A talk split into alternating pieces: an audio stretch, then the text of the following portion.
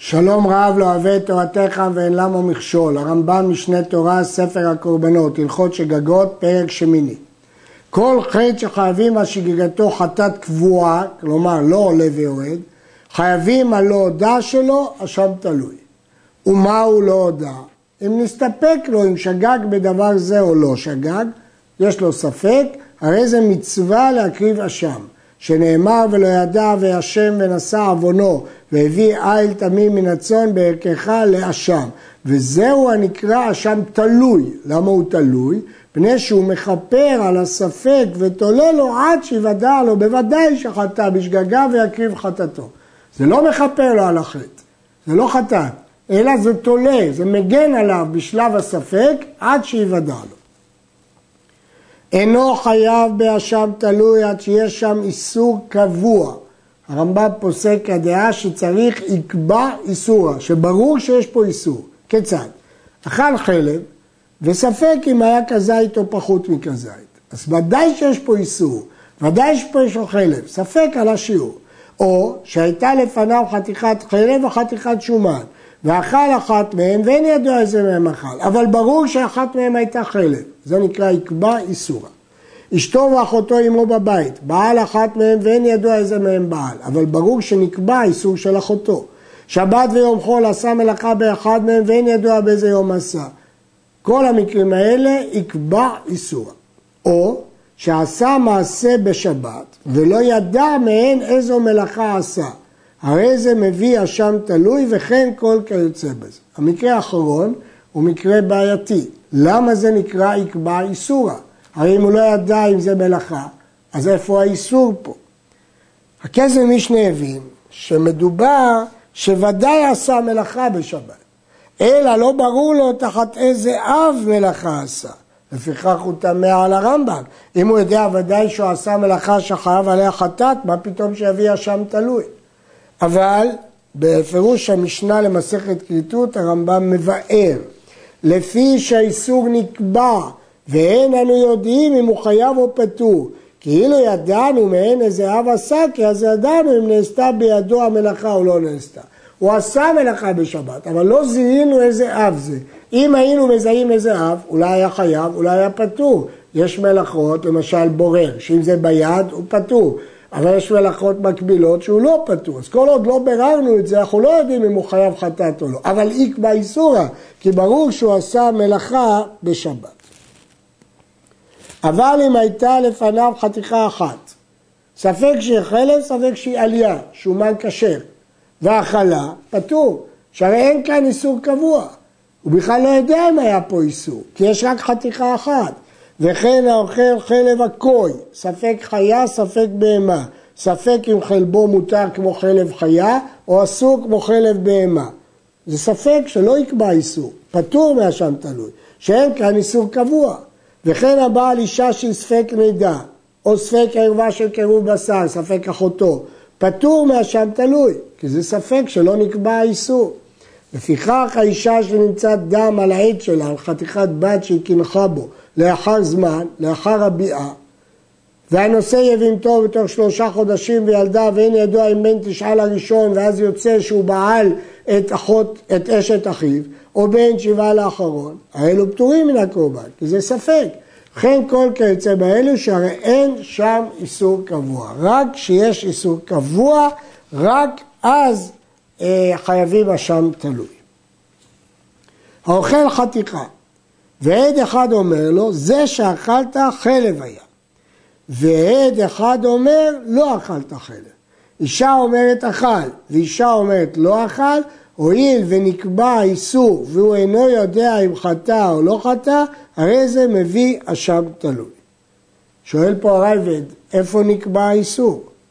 למה בגלל שהעד אומר שהוא אכל ועד אומר לא אכל, מדוע זה נקרא שנקבע איסור? אלא אם כן יאמר העד, אכלת חתיכה של חלב שהייתה עם השומן, שהיו פה שתי חתיכות. הרמב"ם לא אמר. אפשרות ראשונה לומר, שגם הרמב"ם מתכוון למה שכתב הרייבד. אפשרות שנייה, שאומנם זו חתיכה אחת, אבל עצם העובדה שיש עד אחד שהעיד עליה, זה כבר עושה יקבע איסור. למרות שאנחנו לא יודעים איזה עד צודק, אבל זה מספיק להיקרא יקבע איסורה בגלל שעד אחד העיד.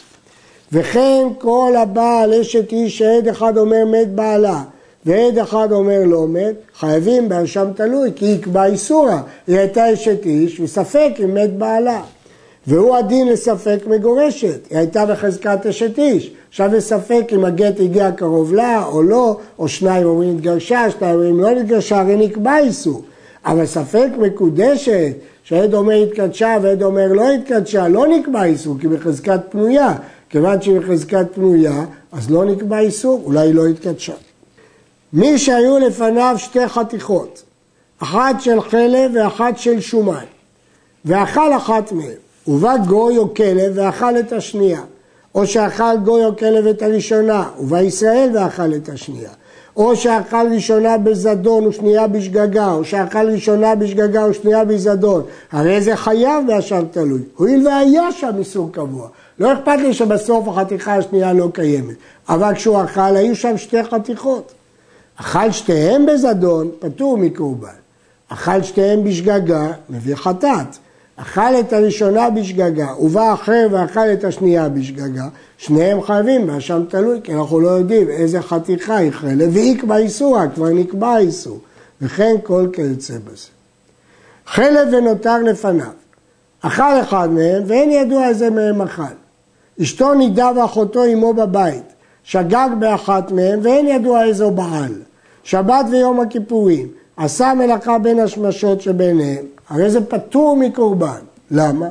אינו מביא חטאת, שהרי אינו יודע עצמו של חטא כמו שביארנו. אמרנו, אשר חטא בא, הוא צריך לדעת על מה הוא מביא את החטא, הוא לא יודע אם זה שבת, יום הכיפורים, חלב, נותר, אשתו, אחותו.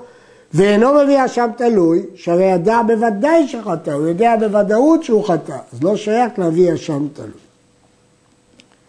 כל דבר שחייבים על ודאיו חטאת אחת קבועה, חייבים על ההודעה שלו אשם תלוי אחד.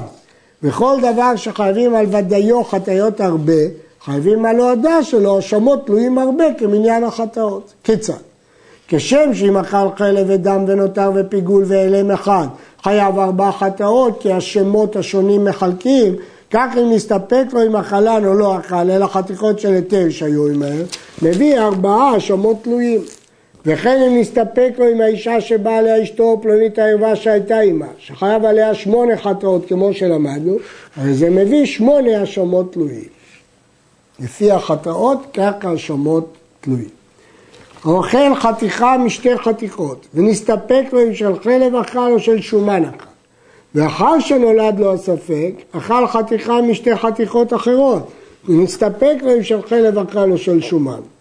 הרי זה מביא שני אשמות תלויים. למה?